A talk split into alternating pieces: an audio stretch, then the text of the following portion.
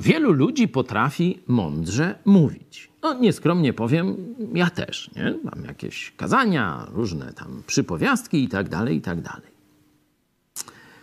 Ale po czym poznać rzeczywiście mądrego i roztropnego człowieka? Czy po tym, że mówi mądre rzeczy? Hmm, to wielu byśmy mieli mędrców, bo wielu mądre rzeczy czy pisze na Twitterze, mówi w różnych telewizjach, gdzieś na filmikach, na fejsiku i tak dalej. Jak więc rozpoznać mądrego od tego, który tylko mądrze mówi? No bo zakładamy, że mądry powinien też mądrze mówić. Ale jak rozpoznać, czy on jest naprawdę mądry, czy tylko na przykład cudze mądrości y, powtarza, albo, i tu odwołam się do Salomona, mądrość roztropnego to poznanie właściwej drogi.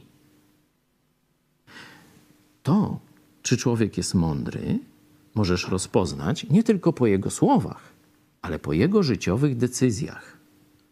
Czyli z kim się ożenił, jak zarabia na życie, czemu poświęcił życie, czy to, co robi, uzyskuje Boże błogosławieństwo, udaje się, czy patrząc po czasie jego wybory okazują się słuszne, czy też kompletnie chybione. Czyli mądry to nie tylko ten, co ładnie mówi.